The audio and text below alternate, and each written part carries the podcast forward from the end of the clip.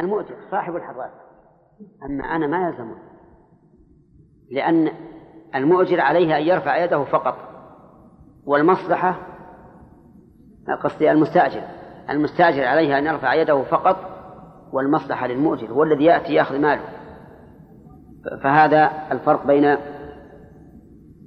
المعارة والمستأجرة. قال المؤلف و ولا يعيرها. الضمير الفاعل يعيرها يعود على المستعير. يعني أن المستعير لا يجوز أن يعير العارية ولو لمن دونه في الضرر أو مثله. لماذا؟ لأن المعير لا يملك النفع. بل بل أصح لأن المستعير لا يملك النفع وإنما يملك ها؟ الانتفاع يملك الانتفاع لأن العارية إباحة إباحة النفع وليست تمليك النفع. فلهذا لا يجوز للمستعير أن يعير العين فإن فعل فهو متعدي فهو متعدي وعليه الضمان. وكذلك لا يؤجرها كيف ما يأجره هي معلوم. لأنه لم يملك لم يملك النفع. إنما أذن له في الانتفاع. وإذا لم يملك النفع فقد آجر ما ليس يملك. ولكن هذا القول مقيد بما إذا أذن المعير. فإن أذن المعير فلا بأس. يعني لو ذهب المستعير إلى المعير وقال إن فلانا طلب مني أن أعيره هذه العين فقال لا بأس. يجوز ولا لا؟ يجوز لأن الحق لمالكها وقد أذن في إعارتها. قال فإن تلفت عند الثاني استقرت عليه قيمتها. وعلى معيرها أجرتها. نعم. إذا أعارها إذا أعارها المستعير وتلفت عند الثاني استقرت عليه قيمة العين. استقرت عليه قيمة العين. على من؟ على الثاني. واستقر على المعير أجرة العين. أجرة العين. وجه ذلك لأن العين تشتمل على منفعة. المنفعة مضمونة على من؟ على المستعير الأول. مضمونة على المستعير الأول. لأنه هو الذي قد أذن له في إتلافها واستعمالها. فكانت أجرتها عليه أما العين فإن العين تلفت عند الثاني وهو المباشر للتلف فتستقر عليه القيمة سواء علم أو لم أم لم يعلم. يعني سواء علم أن هذه العين معارة عند الشخص أو ظن أنها ملكه فإن فإن قيمة العين تستقر عليه. واضح من؟ طيب. مثال ذلك أعرتك كتابا؟ أعرتك كتابا. ثم إنك أعرته آخر أنت أعرته بدون إذن مني. فتلف الكتاب. من الذي يضمنه؟ أنت أعرته شخصا. فتلف الكتاب عند هذا الشخص. قيمة الكتاب على من؟ على الثاني تستقر على الثاني. لأن اليد لأن العين تلفت تحت يده فاستقر عليه ضمانها. المعير الأول عليه أجرة الكتاب من حين أعاره. إذا قدر أن هذا الكتاب يؤجر باليوم بعشرة ريالات. وبعد أن استلمه المستعير الثاني بقي عنده عشرة أيام ثم تلف كم يضمن المعير الأول؟ مائة ريال. لأن, لأن قدرنا اليوم بعشرة. فيضمن مائة ريال. طيب وهل يضمن. يعني هل يمكن أن نضمن المستعير الثاني الأجرة ولا ما يمكن؟ نقول يمكن أن نضمنه الأجرة وتستقر عليه إن كان عالما بالحال. إن كان يدري أن هذه العين معارة فإنه يستقر عليه الضمان. فتبين بهذا الآن أن الضمان يستقر على ضمان العين يستقر على الثاني بكل حال. ضمان العين يستقر على الثاني بكل حال. ضمان المنفعة؟ يستقر عليه إن كان عالما بأن الأول ليس بمالك وإنما هو مستعيد أفهمتم الآن؟ طيب. صاحب العين له أن يضمن من شاء ولهذا قال المؤلف ويضمن أيهما شاء. له أن يضمن المعير قيمة العين. وقيمة المنفعة. وأن يضمن المستعير الثاني قيمة العين وقيمة المنفعة. انتبهوا. نعيد المثال مرة ثانية. ها؟ طيب. أعرت مثلا ياسرا كتابا. وليكن كتاب المغني. المغني لابن قدامة في الفقه. ثم إن سامي طلب من من ياسر أن يعيره إياه. فأعاره وكتاب ثمين. ثمين. تلف عند سامي.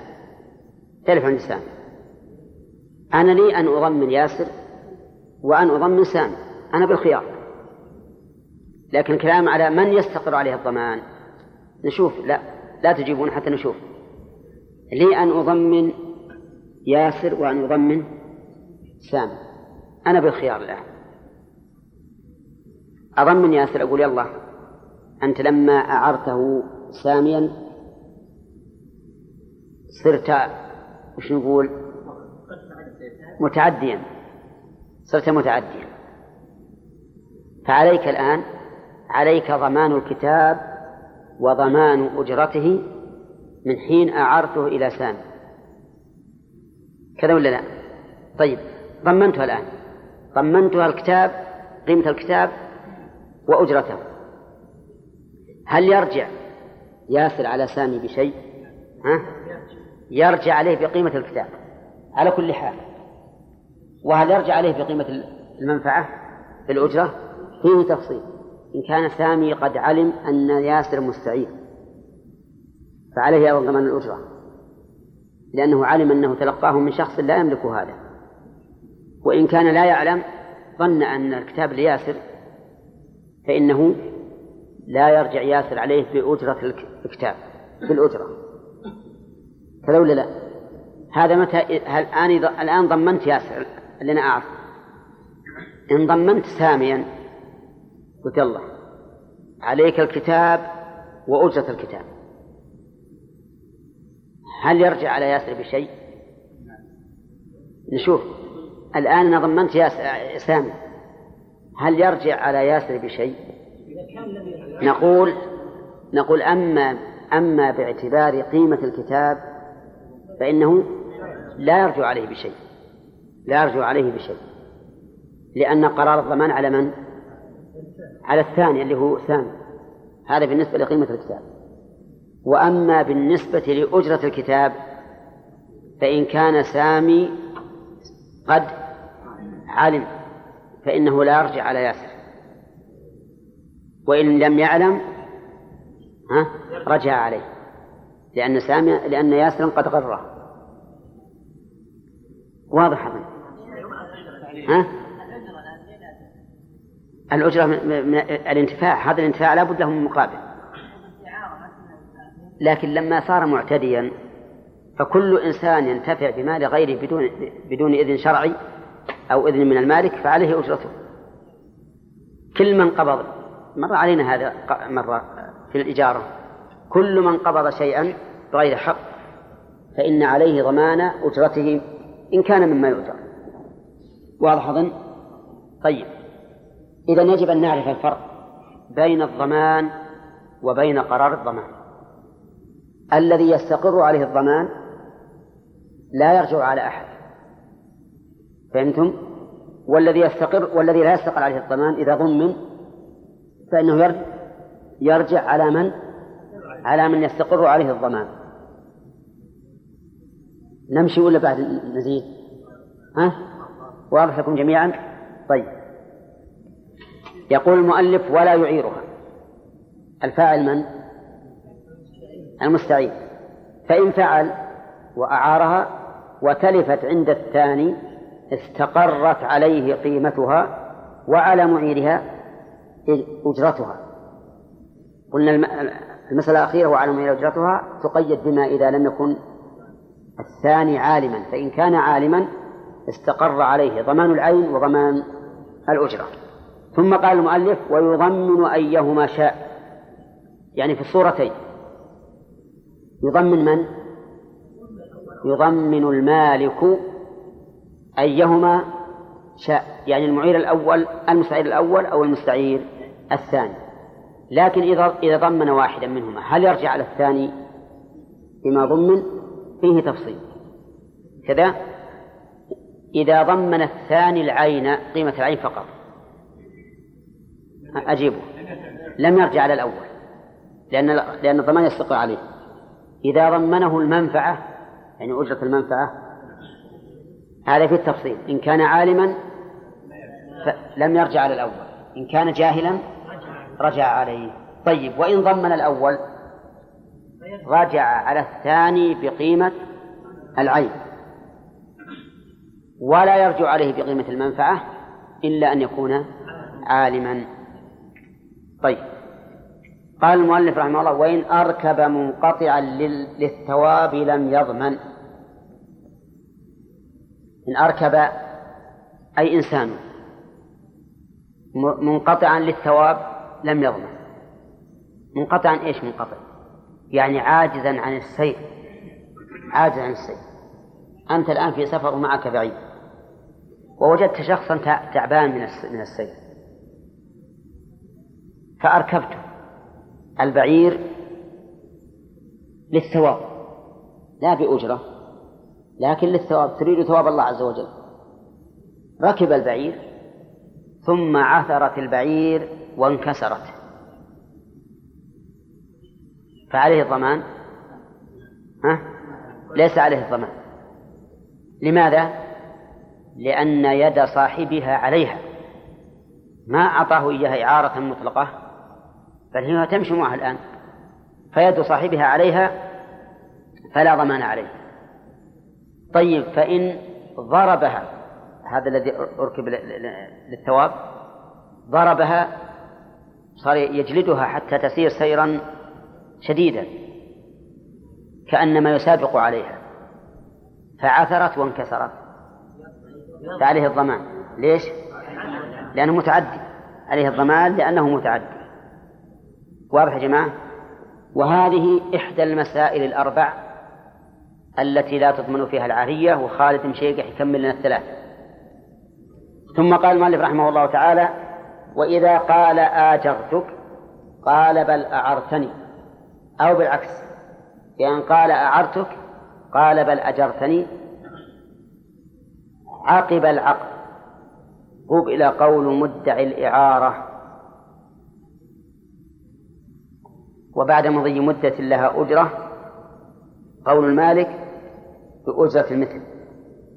هذا تنازع بين المالك والقاضي. المالك يقول أجرتك؟ قال بل أعرتني. قال بل أعرتني. ها؟ إيش؟ طيب نصل إليه. المالك قال أجرتك وهذا قال أعرتني. هذا الخلاف وقع بعد أن مضى ثلاثة أيام. بعد أن مضى ثلاثة أيام. المالك يقول أجرتك؟ وهذا يقول أعرت أعرتني من الذي يقبل قوله؟ يقبل قول المالك. يقبل هنا قول المالك. لأن الأصل في القابض لملك غيره الأصل الضمان. الأصل في القابض لملك غيره الضمان. لأن الأصل أن الإنسان لا يسلطك على ماله إلا بإيش؟ إلا بعوض. هذا الأصل. والتبرع أمر طارئ. فإذا قال أجرتك؟ قال بل أعرتني ولا في الشهود. إن كان في شهود فالأمر واضح. لكن إذا لم يكن في شهود فقول مدعي الإجابة فقول المالك هنا لأنه مضى مدة لها أجرة. ويحلف ولا ما يحلف؟ أه؟ يحلف. يحلف أنه أجره. المستعير اللي يدعي الإعارة يحلف ولا ما يحلف؟ يحلف. ما عنده بينة. كل ما عنده ميلان يحلف. حينئذ نقول ترد العين إلى صاحبها. ترد العين إلى صاحبها. كذا؟ وعليه أي على على القابض العين عليه أجرة المثل. عليه أجرة المثل. أفهمتم؟ ولا نلزم المست... قابض العين لا نلزمه ب... ب... بمدة الإجارة التي ادعاها صاحب العين. لأنه لم يثبت لا بإقرار ولا ببينة ولا نذهب منفعة العين هدرا على مالكها. لا لا نذهب هدرا ولا نقبل قوله في مقدار الأجرة لأنه مدعي ولا عنده بينة. فنرجع حينئذ إلى أجرة المثل. والله ما نتكلم إحنا باللغة العربية. واضح؟ طيب. هاي الأولى بعدين. أنتم فاهمين المثال أولا؟ أعطى رجل شخصا عينا وبعد مضي ثلاثة أيام ادعى صاحب العين المالك على الثاني أنه أجره إياها عشرة أيام كل يوم بدرهم. شوف الآن وش تضمنت تضمنت الدعوة هذه؟ تضمنت أن أنه أن له أجرة. وأن مقدار الإجارة عشرة أيام. كذا؟ الثاني الذي في يده العين قال أبدا ما عقدت معك إجارة وإنما أعطيت أعطيتني إياها إعارة. فتضمن الآن دعوة هذا أنه لا يلزمه عشرة أيام ولا يلزمه أجرة طلبنا من كل مدع منهما بينة قال ما عندي بينة. يقول إذا نرجع إلى قول الرسول عليه الصلاة والسلام اليمين على من أنكر. نقول احلف أنت. اللي بيده العين احلف أنك ما استأجرتها منه. قال والله ما أجرني وإنما أعارني. نقول للمدعي الإجارة احلف أنك ما أعرته فيقول والله ما أعرته وإنما أجرته. ما عندنا الآن شهود نقول إذا نأخذ العين ونردها إلى صاحبها. نردها إلى صاحبها. كيف نردها إلى صاحبها؟ نعم صاحبها الآن مو براضي أن تبقى عند عند اللي بيده ها؟ إلا بأجرة وهذا ما هو براضي أن تبقى بأجرة لا طريق لنا إلى الخلاص إلا ها؟ بردها إلى مالكها بقي علينا الأيام الثلاثة اللي مضت والتي حسب دعوى هذا دعوى صاحب العين أنه يستحق فيها كم من درهم؟ ثلاثة دراهم. والذي والذي قبض العين وش يدعي؟ أنه ليس له شيء لأنها عارية. نقول الآن ما نقبل قولك أنت يا صاحب العين بأنك تستحق ثلاثة دراهم. ولا نقبل قولك أنت صاحب القابض أنك لا أنه ليس عليك شيء. لأن ما في شيء يرجح لا قول المالك ولا قول القاضي وش نرجع إليه؟ إلى أجرة المثل. إلى أجرة المثل. لأن الأصل في القابض لملك غيره إيش؟ الضمان. والضمان آية لم يثبت بشيء معين فنرجع إلى قيمة المثل وهي أجرة المثل في باب الإجارة. كذا؟ لأن الله تعالى ذكر في المرأة التي لا لم يسمى لها المهر أنها تمتع وبينت السنة أن تمتيعها أن تعطى مهر المثل كما في حديث ابن عباس ابن مسعود. وبناء على ذلك نقول لصاحب العين إيش؟ أجرة المثل. كم تؤجر هذه العين ثلاثة أيام؟ والله هذه تساوي كل يوم ثلث ريال. كل يوم ثلث ريال. كم عليه؟ ريال واحد. وذاك يقول أبي ثلاثة. أبي ثلاثة. يقول لا مالك إلا ريال لأن هذا يوجد المثل لكن المشكل لو قالوا إن هذا الكتاب يؤجر بستة ستة.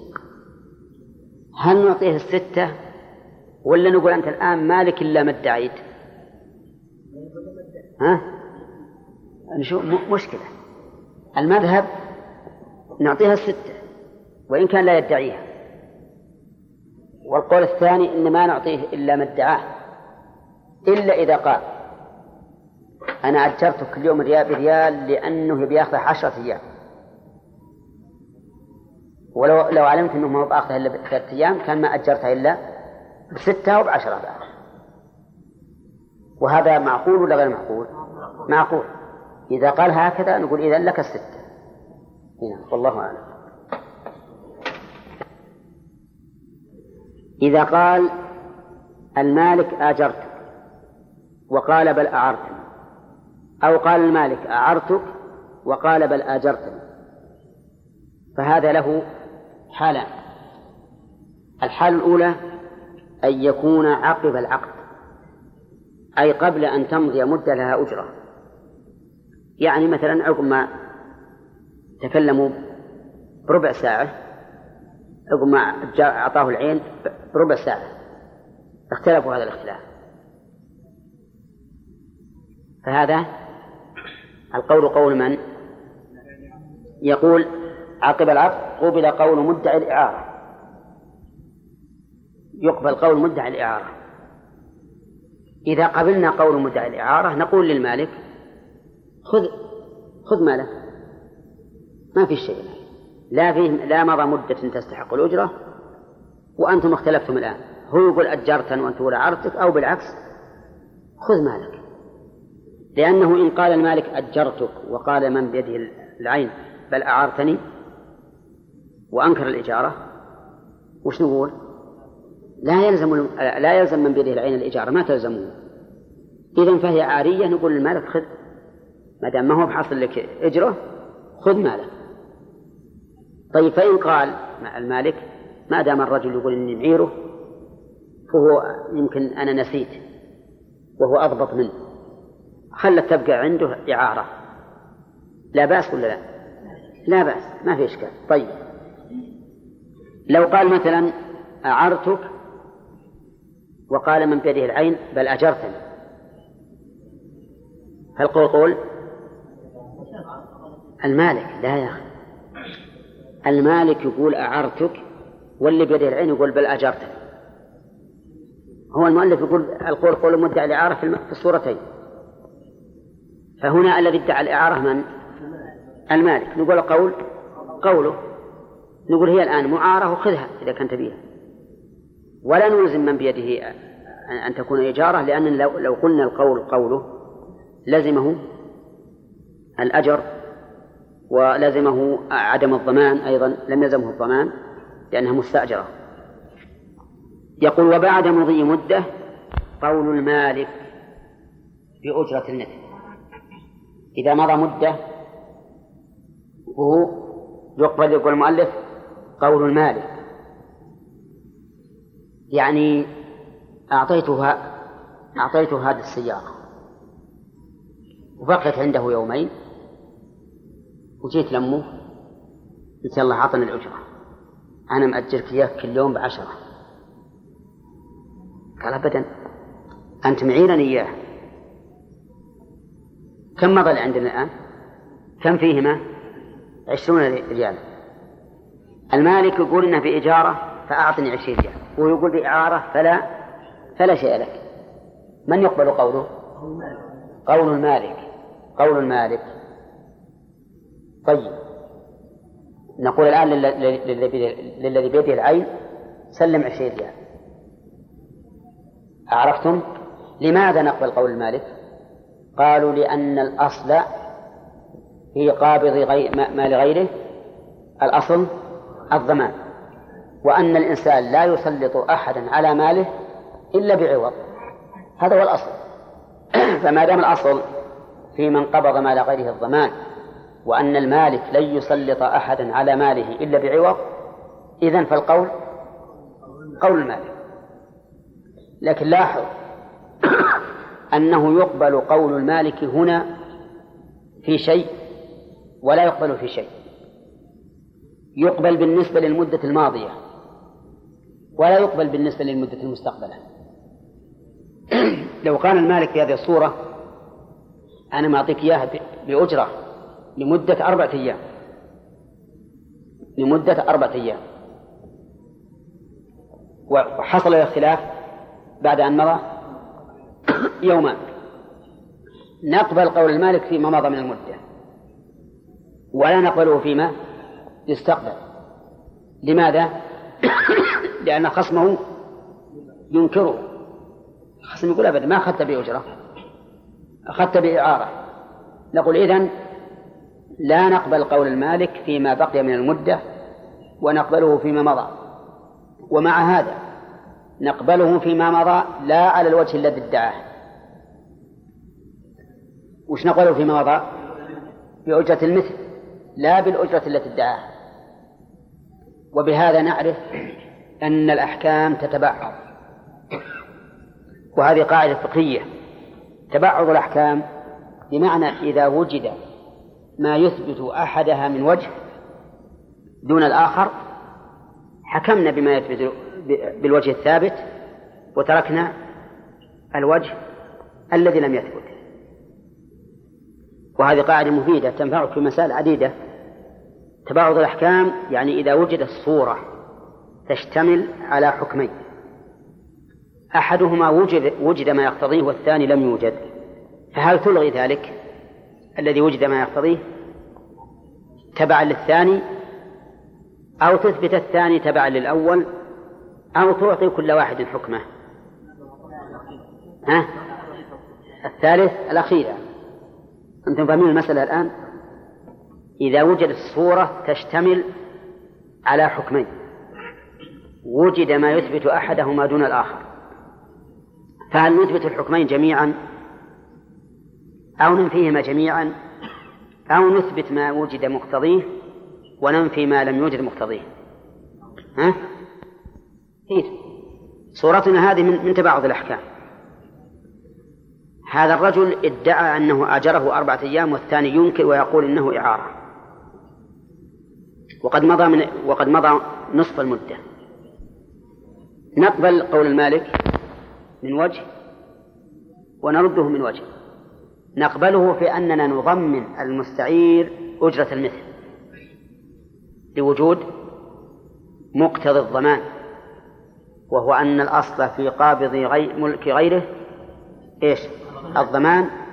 والأصل أيضا أنه لا يسلط أحد أحدا على ماله إلا بعوض. فنقبل هذا. لكن لا نقبل ما ادعاه من الأجرة لأن ذاك لم ها؟ لم يقر. لم يقر بذلك. فنرجع إلى أجرة المثل. كذلك ما بقي من المدة. نلزم المستعير بذلك الذي ادعى الإعارة ولا لا؟ لا. لأنه ما وجد مقتضيه وهو الإقرار أو البينة. ونظير ذلك أيضا رجل آه، ادعى على شخص أنه سرق سرق من بيته. سرق من بيته. وأتى بشاهد أتى بشاهد رجل وامرأتين. رجل وامرأتين. هذه الصورة تضمنت حكمين. ضمان المال وقطع اليد. سرقة. إذا ثبتت السرقة فإنه يعني يترتب عليها حكمان. الحكم الأول ضمان المال لصاحبه والحكم الثاني قطع اليد. هذا الرجل أتى برجل هذا صاحب المال صاحب المال الذي ادعى أنه سرق أتى برجل وامرأتين. الحد لا يثبت برجل وامرأتين وإنما يثبت بشهادة رجلين والمال يثبت بشهادة رجل ومرأتين ولا لا؟ نعم يثبت في هذه الحال نقول يضمن السارق المال أه؟ ولا تقطع يده شوف صورة واحدة تضمنت حكمين مختلفين لوجود مقتضي أحدهما أه؟ دون الآخر فتتبعض تتبعض الأحكام. واضح؟ وهذا له أمثلة كثيرة. المبعض كما يقول الفقهاء في باب, في باب الميراث يرث بحسب حريته ويمنع من الإرث بحسب بحسب رقه أي نعم.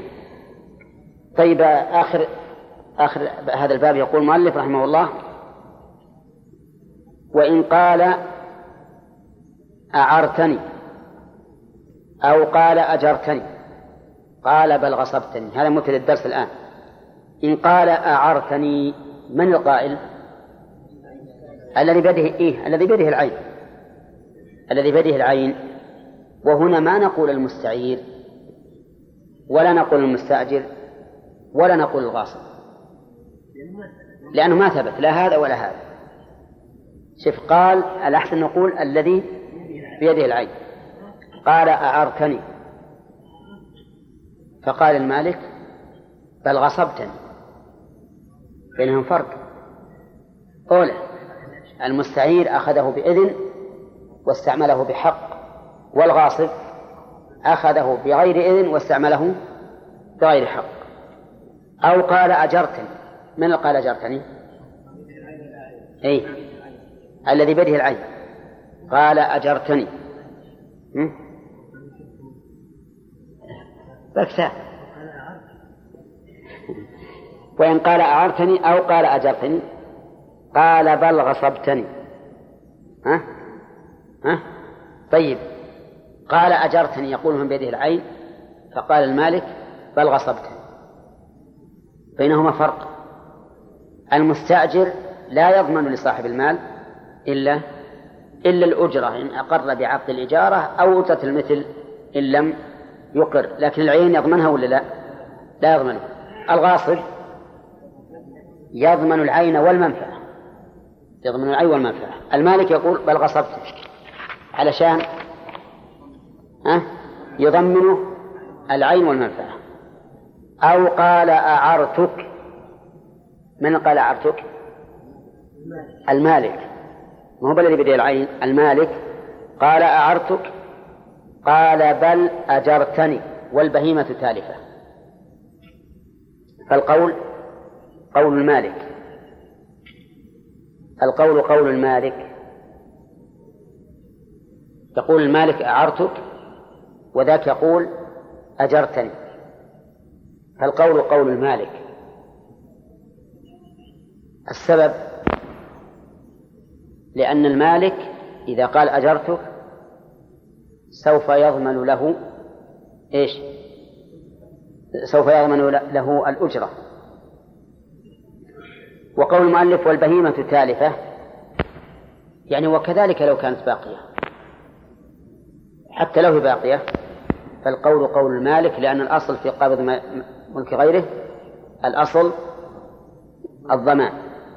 طيب ما فائدة إذا قال أعرتك وقال بل أجرتني والبهيمة تالفة أيهما أحظ للذي بيده العين؟ الأجرة ولا الإعارة؟ آه. الأجرة. السبب؟ لأنه لا يضمن العين إذا كانت تالفة لكن قد يقول قائل إذا قلنا بأن العارية لا تضمن إلا بالتعدي والتفريط ها لا صار ادعاء الإجارة أغلظ عليه. وكذلك لو قلنا إن الأجرة أكثر من قيمة العين. أحيانا تكون الأجرة أكثر من قيمة العين فكذلك يكون الحظ للمالك. أو اختلفا في رد. إيش معنى اختلف في رد؟ يعني جاء المالك إلى المستعير وقال أعطني عاريتي اللي عرض قال رد عليه. فالقول قول المالك. القول قول المالك لأن الأصل عدم الرد. الأصل عدم الرد. ولكن كل من قلنا القول قول في هذه المسألة فالمراد قوله بيمينه. فإن أتى المستعير ببينة. إن أتى ببينة على أنه ردها فالقول قول المستعير لا لمجرد قوله ولكن من أجل من أجل البينة. طيب في في باب الإجارة. إذا اختلف في الرد فالقول قول من؟ نعم. المستأجر. الفرق بينهما يقولون إن من قبض من قبض العين لمصلحة لمصلحته فالقول قول صاحب العين. في الرد. وأما إذا قبضه لمصلحة مالكه أو لمصلحتهما فالقول قول القابض. القول قول القابض. طيب. والفرق بينهما ظاهر لأن هذا لمصلحة نفسه فكان عليه أن يأتي بالبينة أو أن يشهد بخلاف الآخر فهو لمصلحة مالكه. ويأتي إن شاء الله بقية البحث في هذه المسألة لأنها فيها ترجيح ومناقشة. الرحمن الرحيم. الحمد لله رب العالمين والصلاة والسلام على نبينا محمد وعلى آله وأصحابه أجمعين. سبق لنا أنه إذا اختلف المالك ومن بيده العين فقال الذي بيده العين أعرتني وقال المالك غصبتني. فالقول قول من يا ياسر قول المالك. لماذا؟ لكنا ألزمنا هذا الشيء ألزمنا المالك بما لم نتحقق أنه أذن فيه. أليس كذلك؟ المالك الآن يقول أنا ما أعرتك ولا أجرتك. إذا ما أذنت لك بأن تنتفع بمالي؟ بل غصبتني. طيب إذا اختلف في ردها عبد الله لم يكن فيما له حظ حصل. إذا كان القبض في شيء له فيه حظ فإنه لا يقبل قوله في الرد. والمسألة هذه لها ثلاث حالات. إما أن يكون لمصلحة المالك أو لمصلحة القابض أو لمصلحتهما جميعا. لمصلحة المالك فقط كالوديعة القابض فقط كالعارية لهما جميعا كالإجارة. نعم. فيقبل قوله في الرد إذا كان لمصلحة المالك فقط وإذا نعم. وإذا كان لمصلحته هو فقط فلا يقبل. إذا كان لمصلحتهما جميعا ففيه وجهان لأصحابنا والمذهب أنه لا يقبل. ثم قال المؤلف رحمه الله تعالى باب الغصب. الغصب مصدر غصب يغصب غصبا بمعنى قهر. فالغصب في اللغة القهر. لكن في الاصطلاح هو آه، الاستيلاء على حق غيره قهرا بغير حق.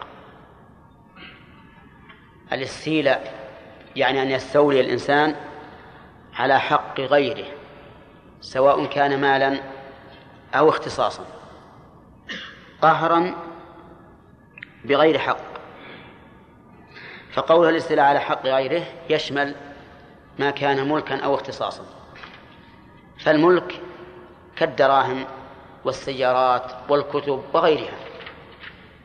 والاختصاص كالشيء الذي لا يملك لكن صاحبه أخص به مثل كلب الصيد. فإن كلب الصيد لا يملك ولهذا لا يباع ولا يشترى ولكن صاحبه أخص به. ومثل يرحمك الله ومثل السرجين النجس. السرجين النجس معروف ها؟ السماد النجس. كروث الحمير مثلا. فإن صاحبه أحق به وليس بمال. ومثل الخمر بالنسبة للذمي فإنه أخص بها. ولكن هل هي مال أو ليست بمال؟ هي بالنسبة للمسلمين ليست بمال وبالنسبة للذميين مال. طيب المهم أن أن أن الغصب هو الاستيلاء على حق الغير سواء كان مالا إيش؟ أو اختصاصا. طيب قهرا خرج به ما إذا استولى على مال الغير باختيار الغير. فهذا لا يسمى غصبا. لكن إن كان الغير مختارا على سبيل الإكراه يعني أنه ولاه على على ملكه على سبيل الإكراه فإن هذا لا, لا يعد إذنا. وقول بغير حق خرج نعم. وأيضا خرج قهرا خرج به ما لو استولى على ما على ملك غيره أو على حق غيره خلسة أو سرقة أو ما أشبه ذلك. فإن هذا لا يعد غصبا اصطلاحا. لماذا؟ ها؟ لا استيلاء ليس قهرا. يعني ما أمسك صاحبه غصبا عليه وأخذ منه لكن أتى في الليل وسرق. نقول هذا ليس بغصب. وقول بغير حق خرج بذلك الاستيلاء بحق كاستيلاء الحاكم على مال المفلس ليبيعه ويوفي الغرماء ويوفي الغرماء. واستيلاء ولي اليتيم على ماله. فإن هذا بحق. إذن تعريف الغصب الاستيلاء على حق غيره وهذا جنس. وقوله قهرا بغير حق هذا فصل. فخرج بقوله قهرا ما أخذ على سبيل السرقة ونحوها وبغير حق ما أخذ بحق ما كان الاستيلاء فيه بحق كالاستيلاء على مال اليتيم واستيلاء الحاكم على مال المفلس ليبيعه ويوفي الغرماء وما أشبه ذلك. طيب. حكم حكم الغصب. الغصب محرم. بالإجماع. لدلالة الكتاب والسنة على ذلك. فقد قال الله تعالى ولا تأكلوا أموالكم بينكم بالباطل إلا أن تكون تجارة عن تراض منكم. وقال تعالى إنما السبيل على الذين يظلمون الناس ويبغون في الأرض بغير الحق. وفي السنة قال النبي عليه الصلاة والسلام في أكبر مجمع من أمته إن دماءكم وأموالكم وأعراضكم عليكم حرام كحرمة يومكم هذا في شهركم هذا في بلدكم هذا. وقال عليه الصلاة والسلام من اقتطع شبرا من الأرض بغير حق طوقه يوم القيامة من سبع أراضين. والنظر يقتضي ذلك أيضا يقتضي تحريمه لما في لما في تحليله من انتهاك أموال المسلمين وإشاعة الشر والفساد بين الناس.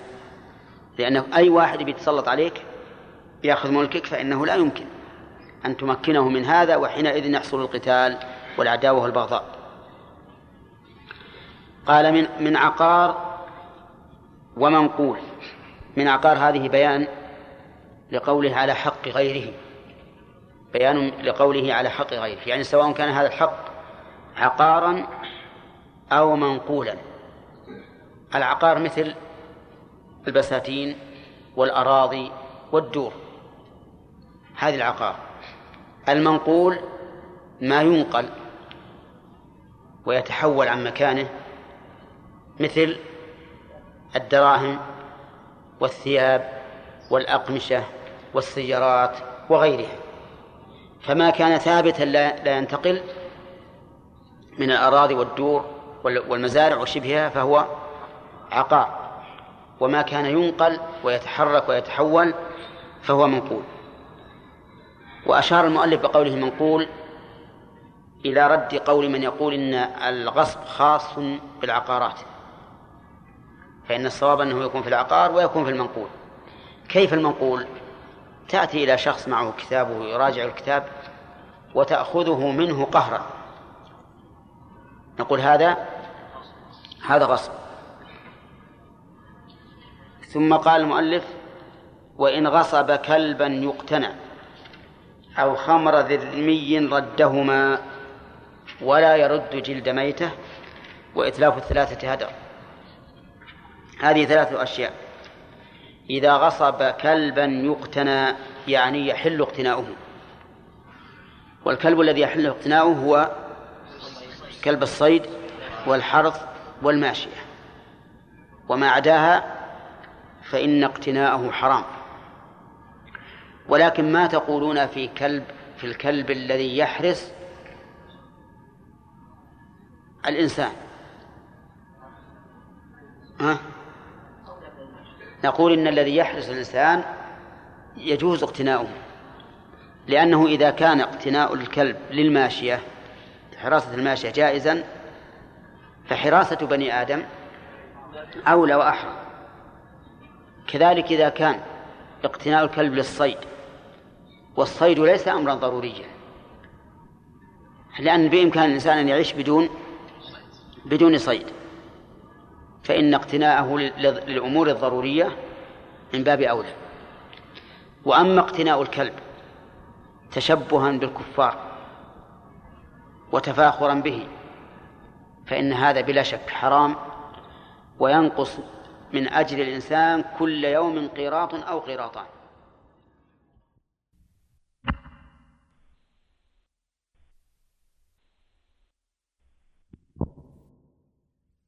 الإنسان كل يوم قيراط أو قيراطان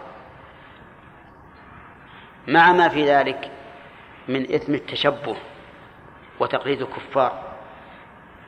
مع ما في ذلك من من الدناءة. لأن النجس لأن الكلب أخبث الحيوانات من حيث النجاسة. فإن طهارته فإن نجاسته لا تطهر إلا بسبع غسلات إحداها بالتراب. ولا يوجد نجاسة أغلظ من نجاسة الكلب. مع ما في ذلك من إلف الإنسان للأشياء الخبيثة. وقد قال الله تعالى الخبيثات للخبيثين والخبيثون للخبيثات.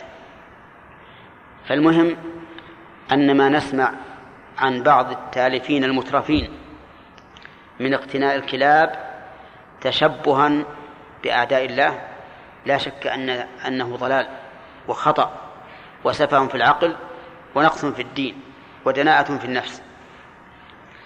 كأن هؤلاء القوم الذين سبقونا بالصنائع والقوة كأنهم ما سبقونا إلا لأنهم إيش؟ يقتنون الكلاب. وهذا لا شك أنه من ضعف الإنسان في الواقع. وأسمع أن بعض الكلاب هذه تساوي أموالا كثيرة. يعني يشترونها إلى عشرة آلاف ريال. الكلب الواحد. نعم. إن هذا اللي سمعت يعني يصل إلى عشرة آلاف والأخ العيان يقول إنها رخيصة بعشرة. يعني تبلغ أكثر من هذا؟ ها؟ لا دعنا من البوليسي البوليسي قد يكون فيه مصلحة ويكون اقتناؤه حلالا. والبوليسي أيضا ما هو بيأخذ الإنسان يستصحبه معه. نسمع بعضهم يستصحبه معه في السيارة يحطه على المرتبة ويقعد هو وراء نعم. و... ونسمع أيضا أنهم يغسلونه بالصابون والشامبو. نعم. هذا لو يغسل بماء البحر كله. والبحر يمده من بعده سبعة أبحر ما تطهر. ما يطهر أبدا لأن نجاسته عينية. والنجاسة العينية لا يمكن أن تطهر إلا بطحنها وإتلافها. واختلف العلماء فيما لو أحرقها حتى صارت رمادا. هل الرماد هذا نجس ولا طاهر؟ نقول إذا بغيت تطهر كلبك احرقه حتى يكون رماد وبعدين ننظر عاد هل يطهر بالاستحالة أو لا يطهر. نبتيك عاد هل هذا الرماد نجس ولا ولا طاهر. على كل حال أن الكلب الذي يقتنى إذا إذا غصبه الإنسان فإنه يجب عليه رده. وهذا من من من المال ولا من الاختصاص؟ هذا من الاختصاص لأن الكلب لا يجوز بيعه ولا شراؤه وإنما صاحبه أحق به من غيره فهو مختص به كذلك إذا غصب خمر ذمي الذمي هو الذي أقام في بدار الإسلام مؤمنا وآمنا على نفسه وماله وأهله ويعطي الجزية. وهو عندنا معشر المسلمين حرام وليس بمال ويجب إراقته وإتلافه. فإذا وجد إنسان عند ذمي خمرا وغصبه فإن الواجب عليه رده الواجب الواجب عليه رده. فإذا قال قائل كيف أرده؟ أعينه على المحرم. قلنا هو في دينه في دينه حلال. يعني في في رأيه إنه حلال وماله عندنا محترم. فالواجب الوفاء له بالعهد. وأن يرد إليه وأن يرد إليه آه، ماله. طيب وهذا متى؟ إذا كان هذا الذمي قد تستر بها. أما إذا أعلنها وخرج إلينا معه الكاس في السوق يشرب الخمر فإننا لا لا نردها عليه إذا أخذنا منه بل يجب علينا أن نأخذها ونتلفها أمامه. لأنه لا يجوز للذمي أن يعلن ما كان محرما على المسلمين في بلاد المسلمين. ولهذا يمنع من تعليق الصليب ولو على سيارته. ويمنع أيضا من آه، الناقوس ضرب الناقوس. ويمنع من إظهار الخمر. ومن كل شيء حرام عندنا في الإسلام يمنع الذمي من إظهاره. والمعاهد كذلك أيضا بل من باب أولى. أنه يمنع من الأشياء من إظهار الأشياء المحرمة عند المسلمين نعم يا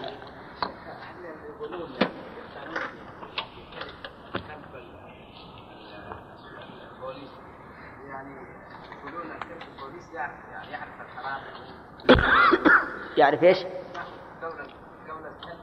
وش يعرف؟ يعني يعرف الحرام اذا حرام سرقت يعني مكلف إذا حرام سرقت لا إذا حرام سرق يعني الحرام. أي نعم. يعني هل ناخذ كون الكلب يعني يقول الكلب يعرف الحرام؟ يقول إن فلان هو السارق. يقول يعني يمسك بسنونه كذا ها؟ صحيح؟ ها؟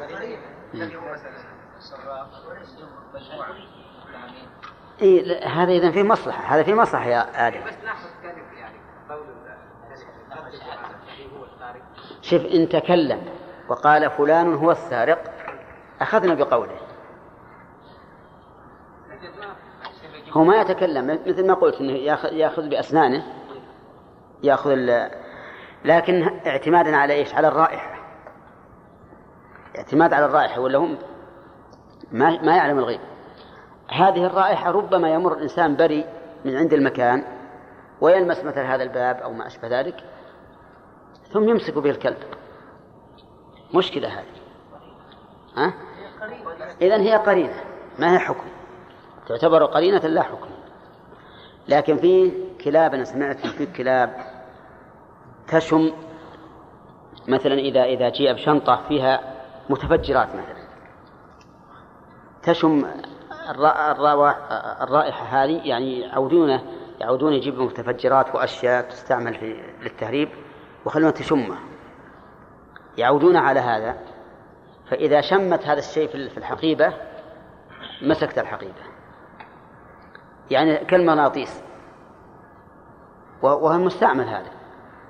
هذا هذا أيضا لا بأس به لأن لأن ما في شيء. غاية ما فيها أن نقول لصاحب الحقيبة مثلا آه، افتح الحقيبة. اي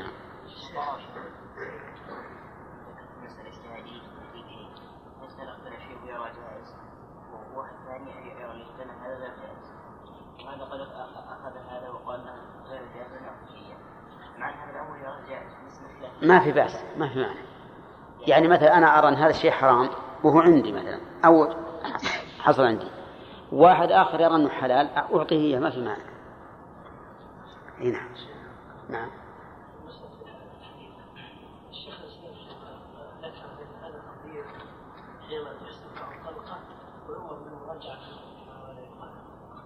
هل الشرع ويحسب عليه الحج يجب اتمامه وعليه أيضا الحج فعل مأمور بارك الله فيك.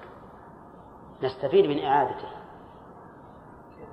الحج ما هو ما هو مأمور به. هذا أفسد المأمور يجب عليه أن يأتي بالمأمور, بالمأمور على وجه صحيح. أما هذا ففعل محظور. ما ترتفع المفسدة بإعادته. لا لا أبدا. الإلزام بالإتمام هنا لأن الأصل في من في من التزم بالشيء أن أن يتمه خاصة بالحج لأنه يشبه الجهاد.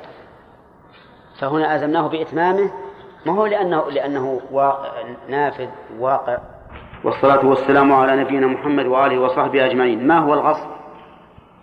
لغة وشرعا ألف ولا يرد جلد ميتة. ولا يرد جلد ميتة. يعني لو غصب الإنسان جلد ميتة فإنه لا يجب عليه رده. لماذا؟ لأن جلد الميتة نجس لدخوله في عموم الميتة. وقد قال الله عز وجل قل لا أجد فيما أوحي إلي محرما على طاعم يطعمه إلا أن يكون ميتة أو دما مسفوحا أو لحم خنزير فإنه رد فيكون داخلا في عموم الميتة فلا يجب رده. وقال بعض العلماء يجب رده إذا دبر. وقال بعض العلماء يجب رده مطلقا. وهذا القول الأخير هو الصواب. أنه يجب رد جلد الميتة إذا كان صاحبه قد تملكه. أما إذا كان قد رمى بالميتة وجاء شخص فسلخ جلدها وأخذه فهذا لا يجب عليه رده لأن لأن رميها يدل على أن صاحبها لا يريده. لكن إذا كان صاحبها قد سلخ الجلد وأبقى عنده جلودا من الميتات كثيرة بحيث يكون هذا الراعي مثلا أو المالك كثر عنده الموت في ماشيته فصار كلما ماتت شاة سلخها واحتفظ بجلدها.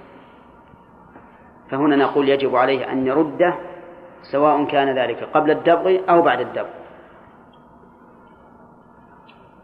فإذا قال قائل كيف يرده وهو نجس؟ قلنا نعم لأن الله تعالى إنما حرم من الميتة أكلها. لقوله قل لا أجد فيما أوحي إلي محرما على إيش؟ طاعم يطعمه. ما قال على مستعمل يستعمله. قال على طاعم يطعمه. فالمحرم مو هو الجلد استعمال الجلد المحرم أكل الأكل. ثانيا أن جلد الميتة يمكن الانتفاع به إذا دبغ. يمكن الانتفاع به إذا دبغ. كيف يدبغ؟ إذا دبغ فإنه يطهر. لأن النبي صلى الله عليه وسلم مر بشاة يجرونها وهي ميتة قال هل أخذتم إهابها؟ قالوا إنها ميتة. قال يطهره الماء والقرض يعني الدباغ. وإذا طهر جلد الميتة بالدباغ صار صالحا للاستعمال في كل شيء. في المائعات والجامدات. يمكن يجعل سقاء للماء أو للبن ويمكن أن يجعل حذاء. ويمكن أن يجعل خفا. فالمهم أنه بعد الدبغ يكون طاهرا تماما كالمذكات كجلد المذكات واضح؟ فالصواب إذن أنه يجب عليه أن أنه أولا لا يجوز له غصب جلود الميتة. ثانيا إذا غصبه وجب عليه أن يرده لما ذكرنا. وأما قول المؤلف رحمه الله إنه لا يرد جلد الميتة ويرد خمر الذم والكلب الذي يقتنى فهذا عجيب منه رحمه الله. لأن الكلب الذي يقتنى لا يمكن الانتفاع به على سبيل الإطلاق إنما ينتفع به في نطاق ضيق. وخمر الذم أيضا لا يمكن لكل أحد أن يشربها إنما يشربها من؟ الذم. جلد الميتة إذا قلنا على المذهب إنه إذا دبغ لا ينتفع به إلا في اليابسات ففيه نفع. كان الواجب أن يقال برده مع أن الصحيح أنه إذا دبغ طهر ينتفع به في كل شيء. قال المؤلف وإتلاف الثلاثة هدر. لماذا؟ لأنه ليس لها قيمة شرعا. فإذا أتلف الكلب كلب الصيد فهو هدر كلب الماشية هدر كلب الحرث هدر كلب حراسة البيوت في المواضع التي يحتاج فيها إلى حراسة يعتبر هدرا. ومعنى قولنا هدر أنه لا يضمنها بالقيمة ولكن لولي الأمر أن يعزره على عدوانه أن يعزره على عدوانه إذا كان معتديا مثل أن يتعمد أن يقتل هذا الكلب يا حجاج. أو يتعمد أن يريق خمر الذمي أو يتعمد أن يغصب إيش؟ جلد المي... جلد الميتة و... ويتلفه. فلولي الأمر أن يعاقبه على ذلك. وبالنسبة للكلب والخمر الأمر فيهما واضح أنه ليس لهما قيمة شرعا. ولهذا حرم الله عز وجل بيع الخمر وبيع الميتة والخنزير وحرم النبي صلى الله عليه وسلم بيع الكلب نهى عن ثمنه فليس له قيمة شرعا. بالنسبة لجلد الميتة إن كان قد دبغ كان قد دبغ فإن بيعه يجوز وحينئذ يضمن متلفه بالقيمة أو بالمثل إن وجد له مثلا. لأنه بعد الدبغ يكون طاهرا وإذا كان طاهرا صار عينا ينتفع بها في كل شيء. فيجوز بيعها. وحينئذ نقول إذا أتلفه بعد الدبغ ضمنه بمثله إن أمكن وإلا فبقيمته. أما إذا كان قبل الدبغ فإنه محل نظر. قد نقول بأنه يضمنه لأنه إذا كان مما يمكن تطهيره فهو كالثوب النجس. والثوب النجس يجوز بيعه ولا لا؟ ها؟ يجوز بيعه. وقد نقول إنه لا ي... إنه لا يضمنه لأنه إلى الآن لم يكن مما يباح استعماله. وصاحبه قد يدبغه وقد لا يدبغه. فالمسألة هذه تحتاج إلى إلى إلى نظر وإلى تأمل. فإذا نظرنا إلى أن هذا عين يمكن تطهيره أو يمكن تطهيرها قلنا إنه إيش؟ يضمنه كالثوب النجس إذا أتلفه فإنه يضمنه. وإذا نظرنا إلى أنه جزء من الميتة وأنه حتى الآن لم يصل إلى درجة الطهارة والإباحة قلنا إنه لا يضمنه. فيرجع في هذا إلى نظر القاضي الذي يحكم في القضية. قال وإن استولى على حر لم يضمنه. إن استولى على حر فإنه لا يضمنه. مثل وجد مثلا صبيا يمشي في السوق. أخذه وقال تعال أنا أبوك أو أنا أخوك. اقعد عندي وأغراه أغراه. صار مرة يطلع يخرج به للملاهي مرة يطلع يتمشى بالسيارة ومرة يشيله أشياء فرحه حتى نسي أهله هذا الصبي. استولى عليه بقي عنده سنوات أو سنين. يقول المؤلف إنه لا يضمنه لو مات. لو مات هذا الصبي ما يضمنه. بل لو استولى على كبير. ويمكن يستولي على كبير ولا ما يمكن؟ ها؟ يمكن يستولي على كبير ولو غير مجنون. يصير عنده قوة يقول ما يمكن تطلع من هذا البيت. نعم؟ يمكن يستولي عليه. فإنه لا يضمنه لو مات. طيب وإن استولى على عبد يضمنه إذا مات أو انكسر أو أتاه شيء من من النقص. قالوا والفرق بينهما أن العبد مال يملك ويباع ويشترى. فالاستيلاء عليه استيلاء حقيقي وحكمي. أليس كذلك؟ الاستيلاء عليه استيلاء حقيقي وحكمي. أخذ عبد فلان وقال تعال يلا أنت عبدي واستولى عليه. سواء لبس عليه بأن قال أنت عبدي اشتريتك من سيدك أو لم يلبس. المهم أن الاستيلاء على العبد يوجب الضمان. ووجه ذلك أنه مال يباع ويشترى ويملك فصار فصح الاستيلاء عليه حقيقة وحكما. أما خالد فيقول إن إن الحر لا ها؟ لا يستولى عليه. لأنه لا يباع ولا يشترى ولا يملك فالاستيلاء عليه استيلاء صوري. نعم. لكن سيأتينا في, باب الديات ومر علينا أيضا أنه لو غصب حرا صغيرا فأصابته صاعقة فإنه يضمنه وأنه إذا مات بمرض ففي ضمانه قولان. ذكروه هناك وهذا يقتضي أن اليد تستولي على الحر الصغير لأنه لا يملك الدفاع عن نفسه بخلاف الكبير. وهذه المسألة فيها ثلاثة أقوال في مذهب الإمام أحمد. القول الأول أن الحر لا يستولى عليه أبدا وحينئذ لا يضمن وهذا هو المذهب.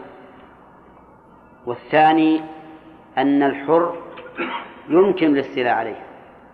وإذا استولى عليه فهو ضامن. ضامن لعينه ولمنفعته. القول الثالث الفرق بين الصغير والكبير. فإذا استولى على الصغير فهو ضامن لأن الصغير لا يمكن لا يمكنه الدفاع عن نفسه وإن استولى على حر على كبير فإنه لا يضمن لأن الكبير يمكن أن يدافع عن نفسه ويتخلص. نمشي على نقرر ما قال المؤلف وإن كان ضعيفا لكن لا بد أن نقرره. يقول وإن استعمله كرها أو حبسه فعليه أجرته, أجرته. هناك فرق بين الاستيلاء وبين الاستعمال. إذا استعمله كرها كان قال تعال يلا احرث هذه الأرض. احرث الأرض. فقال له نعم أحرثها لكن بأجرة. كم تعطيني في اليوم؟ قال احرثها غصب مجانا. فحرثها تحت التهديد. يقول المؤلف إن عليه أجرته عليه أجرته أجرته. لأنه استوفى منه منفعة تلفت لمصلحته فوجب عليه ضمان هذه المنفعة وهي وقيمة المنفعة الأجرة. فنقول يجب عليك أجرة هذا الرجل مدة استعمالك إياه. قال أو حبسه ما استعمله؟ لكن امسكه واحبسه له يومين ثلاثة. وقال لا تشتغل فعليه؟ عليه الأجرة. وظاهر كلام المؤلف في مسألة الحبس أن عليه الأجرة مطلقا سواء كان هذا الحر عاطلا أو عاملا. وفي المسألة نظر. إذا كان عاطلا. لأنه إذا حبسه وهو عاطل ما له الشغل. ليس له شغل إلا أنه إلا الجلوس على العتب. فهل هذا الرجل الذي حبسه فوت عليه شيئا؟ ها؟ لا ما فوت عليه شيئا.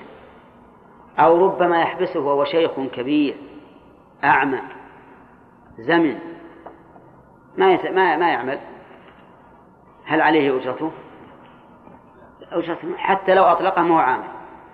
فالصواب أنه أن قوله في الحبس إن عليه أجرته ينبغي أن يقيد بما إذا كان مثل هذا الرجل يعمل. أما إذا كان غير عامل فهو فإنه لم يعطل عليه شيئا. حتى لو أطلقته مو برح يعمل بل ربما لو أطلقته لذهب يتسكع في الأسواق ويؤذي الناس. ممكن هذا؟ ها؟ يمكن. يمكن هذا ومع ذلك يقول عليه أجرته. طيب. أما إذا استعمله كرها فلا شك أن عليه الأجرة لأن لأن في مقابلة العمل. قال ويلزم رد المغصوب بزيادته وإن غرم أضعافه. الله. أكبر يلزم رد المغصوب. يلزم من؟ الغاصب. يلزمه رد المغصوب بزيادته سواء كانت الزيادة متصلة أو منفصلة.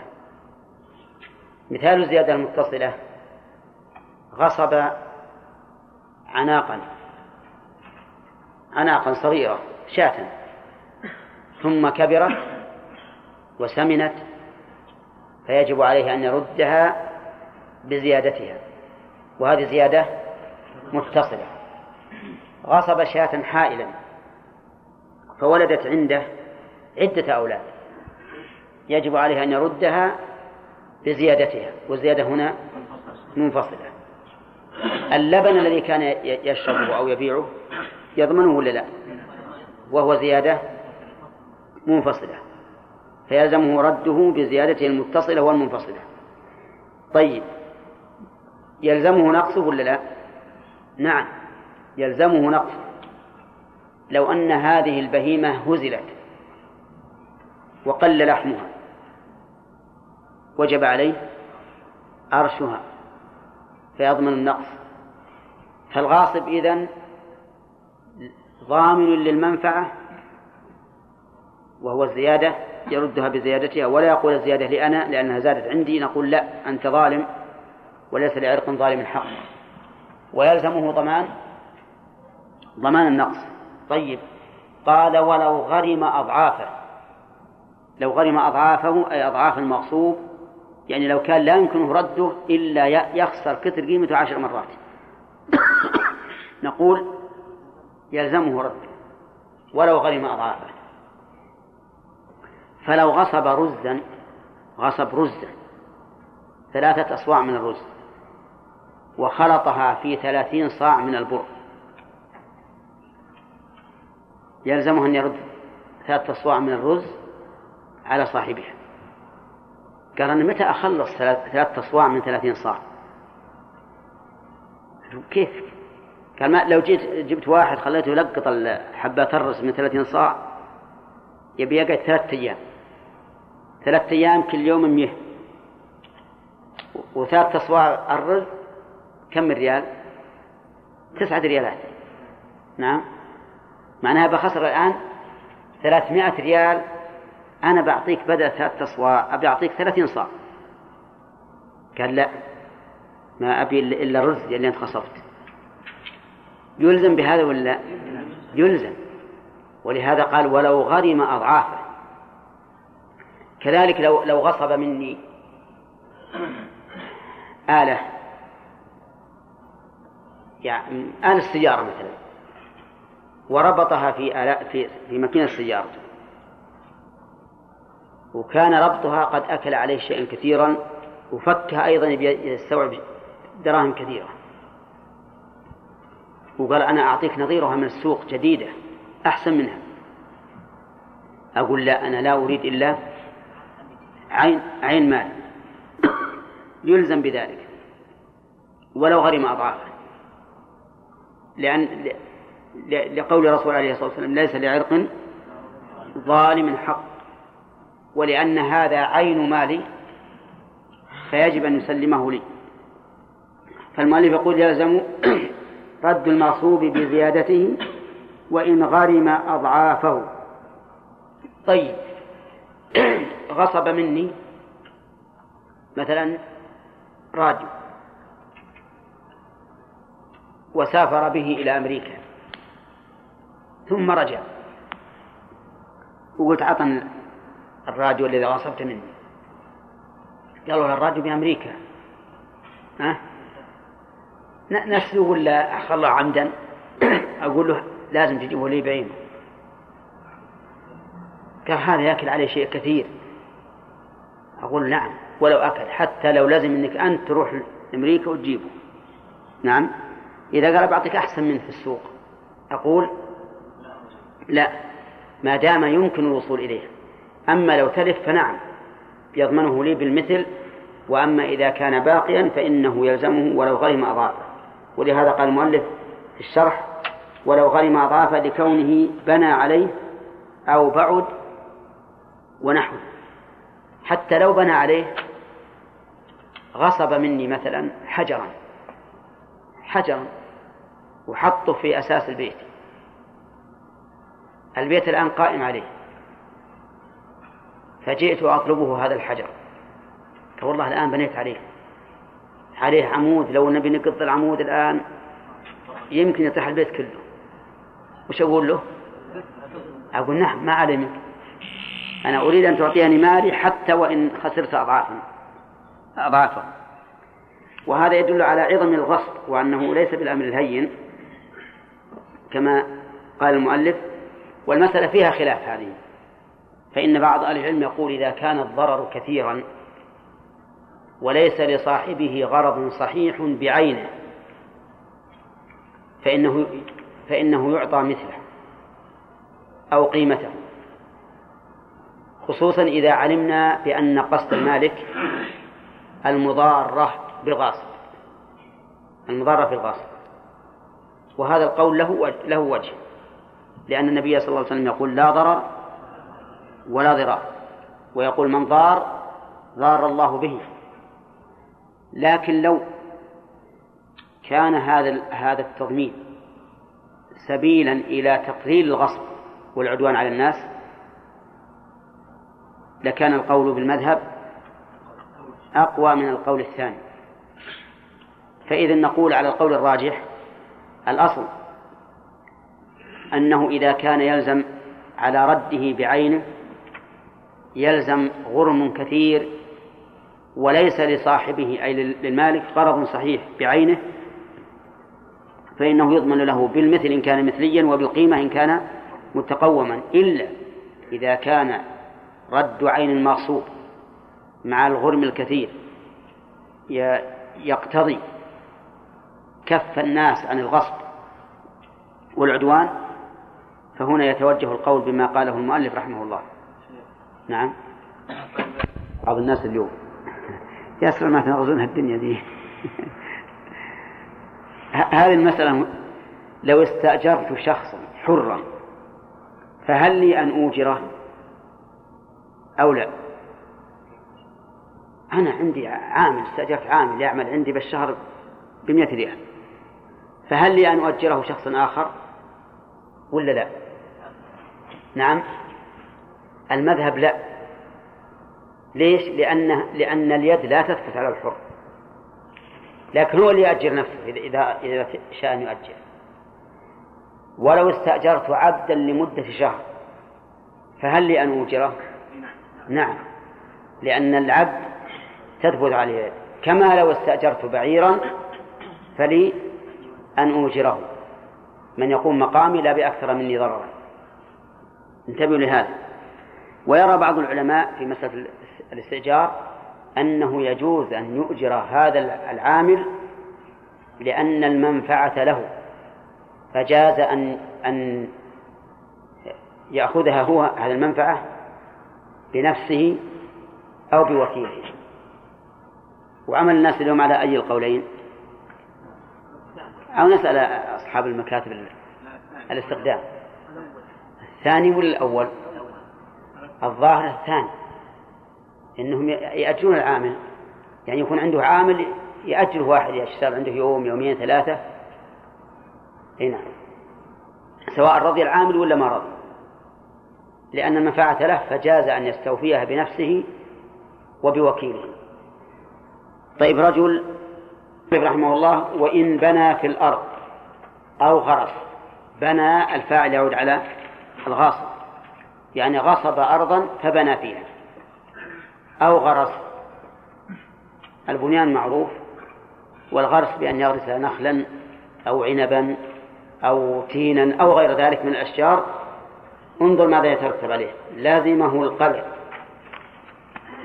هذه واحد. وأرش نقصها. وتسويتها والأجرة.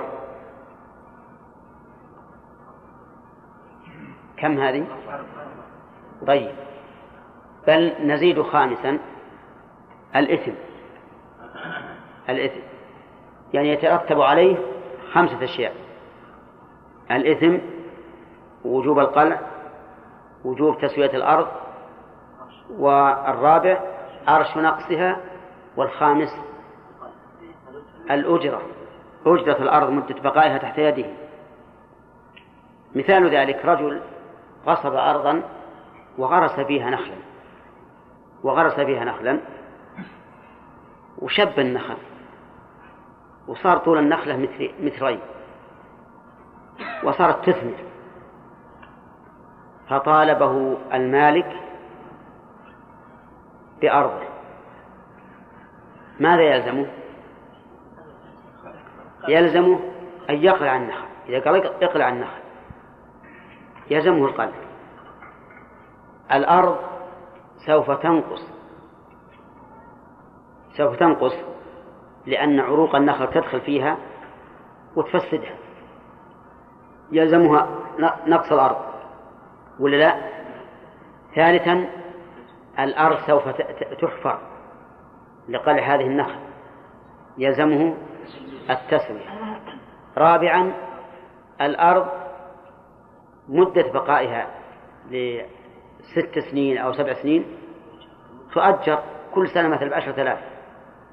يلزم الغاصب ها إذا كان سبع سنين يلزمه سبعون ألفا.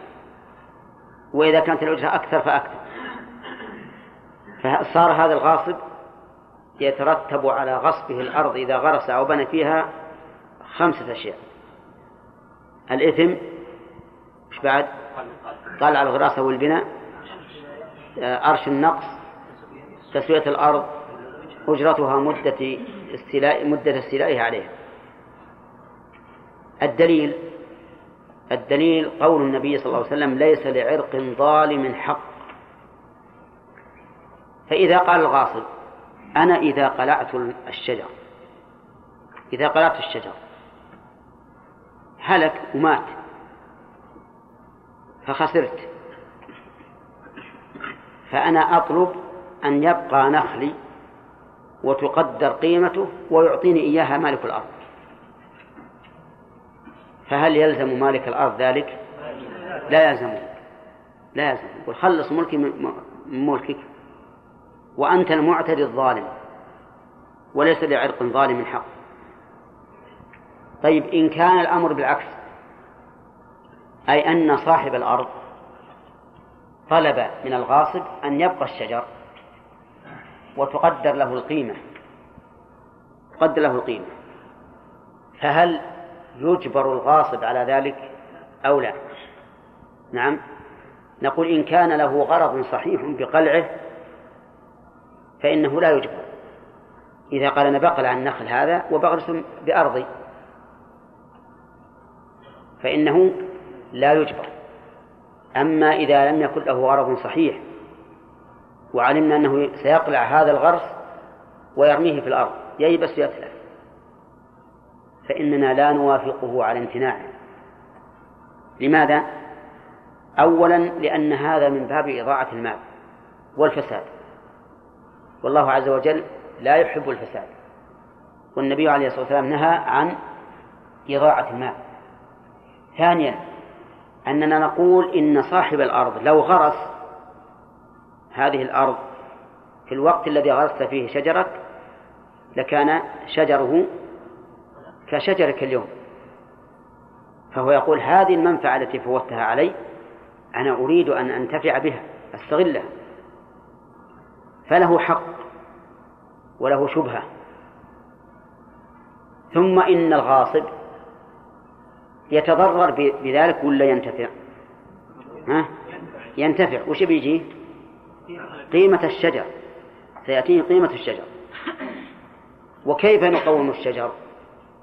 نقوم الشجر فنقول كم قيمة الأرض لو كانت خالية منه؟ قالوا قيمتها مائة ألف. كم قيمتها إذا كانت موروثة به؟ قالوا قيمتها مائة وعشرين ألف. كم قيمة الشجر الآن؟ عشرون ألف. هكذا التقويم. فعرفنا الآن ماذا يترتب على الغاصب إذا غرس أو بنى. يترتب عليه كم؟ خمسة أشياء. فهد؟ ما هي؟ طيب. أوردنا على هذا سؤالان. السؤال الأول لو طالب الغاصب أن تبقى الأشجار وتقدر له القيمة هل يلزم رب رب الأرض ذلك؟ ها؟ لا. لا يلزم. لو طال لو طالب رب الأرض أن تبقى أن يبقى الغراس ويدفع القيمة ففيه تفصيل. إن كان للغاصب غرض صحيح بقلعه فإنه لا يجبر على إبقائه كيف الغرض الصحيح؟ يقول أنا بقلع هذه النخل وأغرسها في أرض. عندي أرض بياض ما فيها نخل أبقلعه وأغرسه في الأرض. ويمكن هذا ولا ما يمكن؟ يمكن. الآن فيه فيه نخل يقلع وهو كبير ويغرس ويسمى عندنا عندنا في العامية ها يسمونه جثاية جثاية النخل. وإن لم يكن للغاصب غرض صحيح في امتناعه وإنما سيقلع هذا الغرس ويرميه في الشمس ويتلف. فإننا لا نمكنه من ذلك. وذكرنا لهذا ثلاثة أوجه. الوجه الأول بل أكثر. الوجه الأول أن هذا من الفساد. والله لا يحب الفساد. الوجه الثاني أنه إضاعة مال. والنبي عليه الصلاة والسلام نهى عن إضاعة المال. الوجه الثالث أن في بقائه وإعطائه القيمة منفعة منفعة للغاصب. ورغبته عن المنفعة يعتبر سفها سفه. وقد قال الله تعالى ولا تؤتوا السفهاء أموالكم التي جعل الله لكم قياما. فإذا منعنا أن نعطي هؤلاء أموالهم فكيف لا نمنع هذا أن نعطيه مالا زيادة على ماله؟ الوجه الرابع أن لصاحب الأرض حقا حيث يقول لولا هذه الأشجار التي غرسها غاصب لكنت أنا قد غرست وصارت شجري كشجر الغاصب الآن. فقد فوت علي منفعة الأرض طيلة هذه المدة والرجل لا ينتفع بغراسه لو قلعه فله حق في ذلك. فصار هذا معللا بكم؟ بأربعة أوجه. نعم.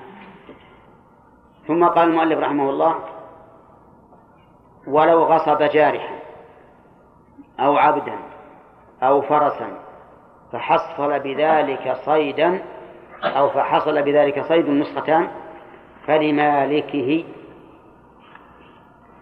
غصب جارحا. وش هو الجارح؟ وما علمتم من الجوارح مكلبين. الجارح كلب الصيد أو الطير الصقر وشبهه. هذا الجارح.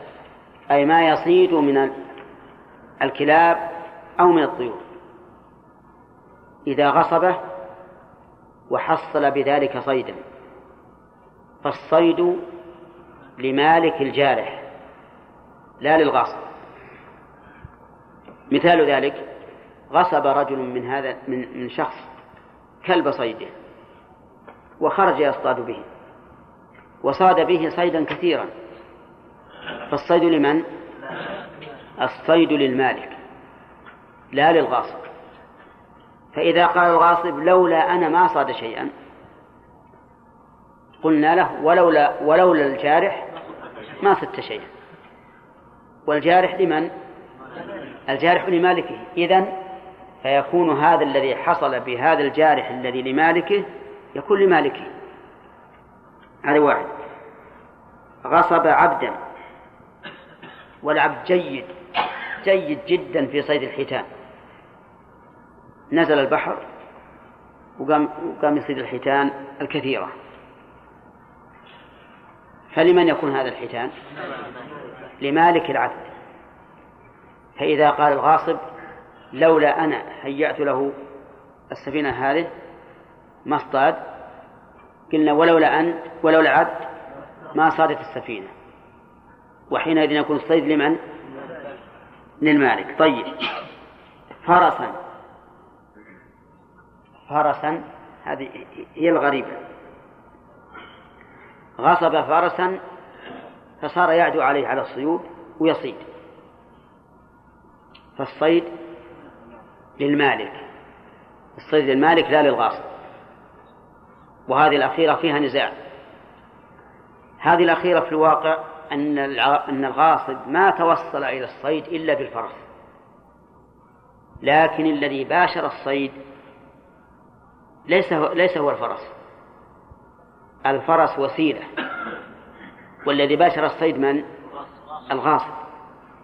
ولهذا ذهب بعض أهل العلم إلى أن الصيد للغاصب وعليه أجرة الفرس. وهذا أقرب إلى القواعد.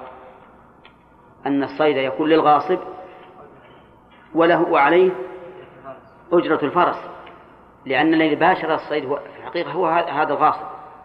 السهم سهمه والقوس قوسه والعمل عمله وهذا وسيلة. نعم. كيف؟ أقول نكالا عليه إيش؟ تنكيلا به يعني. لا لا التنكيل مو هكذا. التنكيل نلزمه بالأجرة. نلزمه بالأجرة ثم لو أردنا أن ننكل فالتنكيل ما نجعل الصيد لصاحب الفرس نجعل الصيد في بيت المال وصاحب الفرس ليس له إلا أجرة فرسه. طيب يقول فحضر بذلك فلمالكه. طيب. عندي أنا بالشرح وكذا لو غصب شبكة أو شركا أو فخا وصاد به ولا أجرة لذلك. لمن؟